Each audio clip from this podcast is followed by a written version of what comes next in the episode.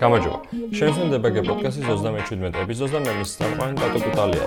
ამ პოდკასტში საუბარია დეველოპერული კულტურის, ტრენდული ტექნოლოგიების და კარიერული ზრდის შესახებ.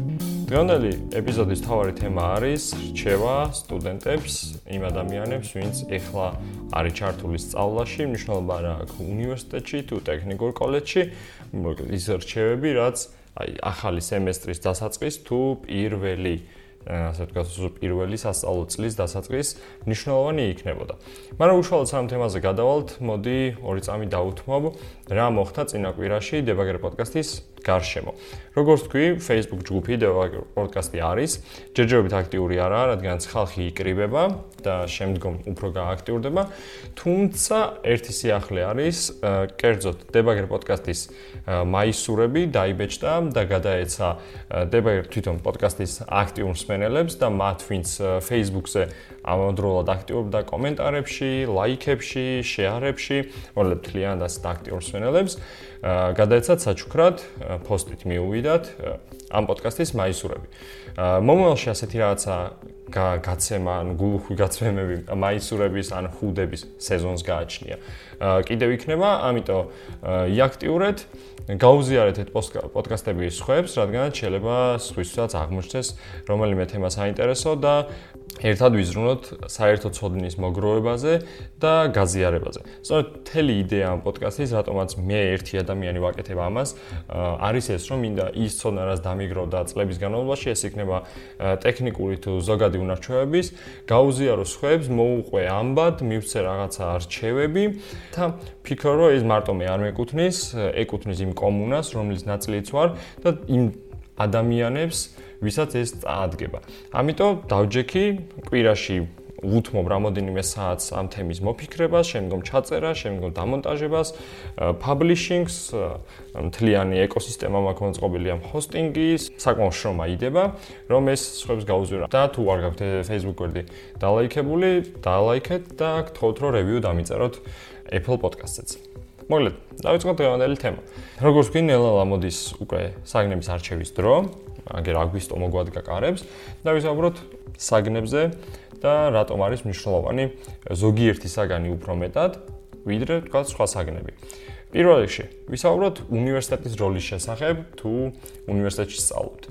ძალიან ბევრი არ მინდა მომივიდეს ამას საუბარიდან სხვა ეპიზოდებში გვისაუბრია, თუმცა რამოდენიმე ასპექტი, რაც უნივერსიტეტს უდაო და აქვს სხვა საშუალებებთან შედარებით, არის კონტაქტები, არის სხვადასხვა საგნების, ანუ ისეთი უნარჩვევების მოცემის მრავალფეროვნება, რაც სხვაგან თქვათ, ასე მარტივად ამ მოკლე პერიოდში ვერ იშოვით და არჩევანის თავისუფლება ის თუ რომელი საგანი, რომელი ტექნოლოგია შეიძლება ისწავლო.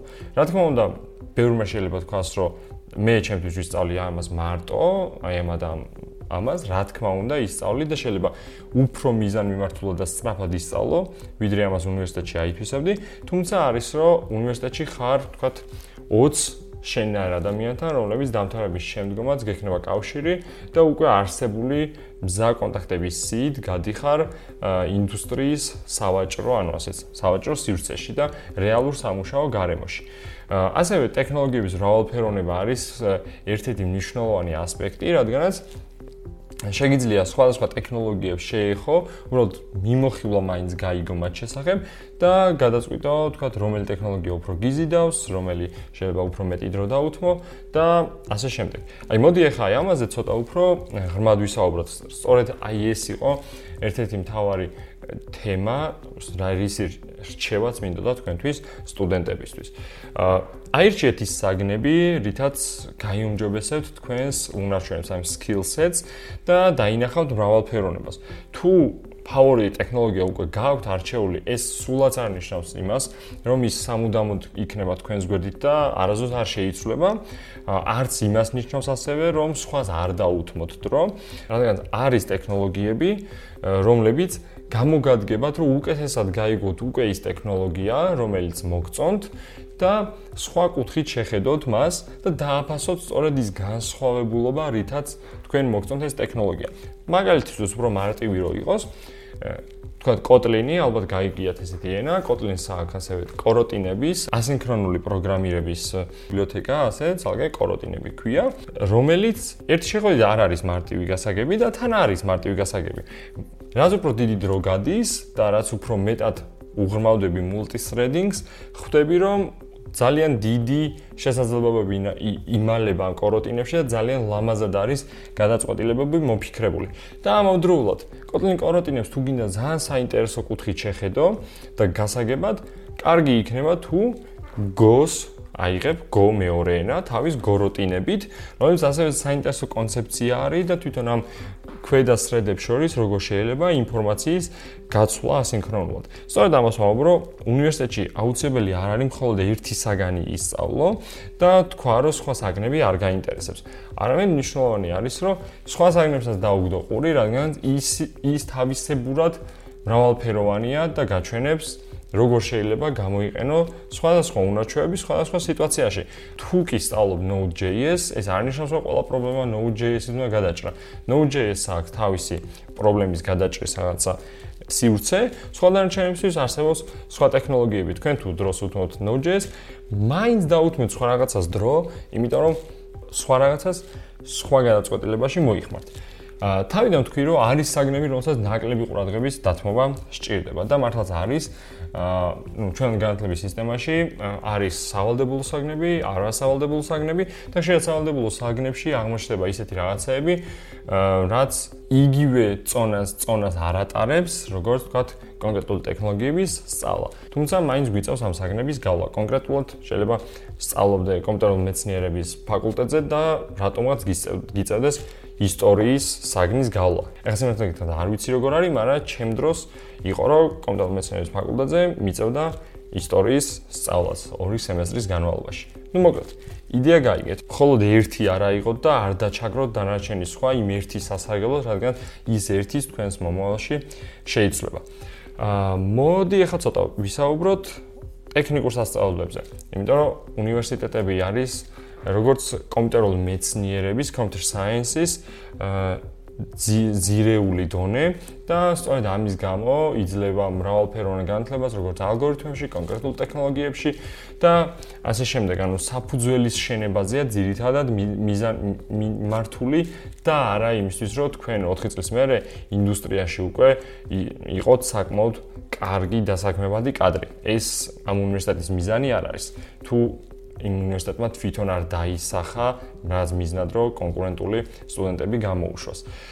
თვითონ პროგრამა computer science რაც არის, იმაზე მაქვს საუბარი. აი ტექნიკურ კოლეჯებში კი ცოტა სხვანაირად არის. ტექნიკურ კოლეჯები მიმართული არის, რომ კონკრეტული ერთი კურსი ან რაღაც კურსთან ნაკრები მოგაწოდოთ თქვენ, რაც შეიძლება სწრაფად და მისაღებ ფასში, რათა თქვენ ძალიან მალე აუწყოთ ფეხი ამ ინდუსტრიას და მალე გახდეთ დასაქმებადი, ანუ კონკრეტული უნარჩვევები, ტექნიკური უნარჩვევები რომ გასწავლოთ, რომ თქვენ მალე გახდეთ დასაქმებადი. ანუ თქვენ თუ არ გინდათ რომ ეს computer science ისწავლოთ, ისწავლოთ სხვადასხვა მომართულება სტრუქტურები, ის ეს ალგორითმები და ეს საფუძვლები და გინდათ პირდაპირ რაღაც კონკრეტული ტექნოლოგიები ისწავლოთ, შეგიძლიათ მიმართოთ ტექნიკურ კოლეჯებს, კერძო კურსებს და ასე შემდეგ.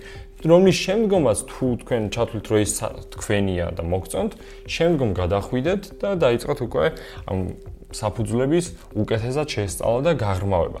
მე არ ვამბობ რომ რომელიმე უნდა აირჩიოთ, თქვათ, ტექნიკური და უნივერსიტეტს არ მიყოთ ხელი, ამ პირიქით უნივერსიტეტი აირჩიოთ და არ მიყოთ. უბრალოდ როდესაც რაღაც რჩევას ვიზდები კონკრეტულ ტექნოლოგიასთან დაკავშირებით, რომელიც ისწავლება დღევანდელობაში სხვა სხვა არეალში, როგორც არის ტექნიკური კოლეჯი და უნივერსიტეტი, ვალდებული ვარ, რომ აი ამ საკითხს ასე შევხებოდი.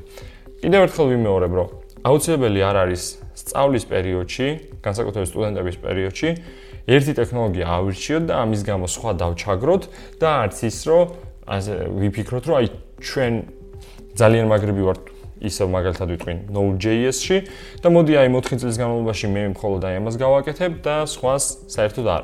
ამ შემთხვევაში მაშინ უნივერსიტეტში სწავლას სჯობია რომ ცალკე გახვიდე, აიღო რა შეიძლება მეტი კურსი, განვითარდე, თქვა სტაჟირება დაიწყო, გახდე junior developer-ი და გააგრძელო მუშაობა მხოლოდ ამ ტექნიკური ერთი ჭრილი, თუმცა ეს არ ნიშნავს რომ შენ Node.js არ დაანებოს როდისმე თავს, არ ნიშნავს რომ სხვა რაღაცა არ დაგჭირდება, რადგანაც როგორც ინჟინერს, ანუ პრობლემის გადამჭრელს, შენ უფრო მეტი ხელსაწყოები გჭირდება, ვიდრე უბრალო კოდერს, რომელსაც დილიდან საღამომდე რაღაც მხოლოდ კოდი უნდა აკრიფო და რაღაც დავალება გადაიყვანო კომპიუტერისთვის გასაგებ ენაზე. შენ ამაზე მეტი გავალია და სწორედ ამიტომ სწავლობ საფუძვლებს და მრავალფეროვნებაში მთლიანად ჩვენს საქმეს, რაც არის software engineering.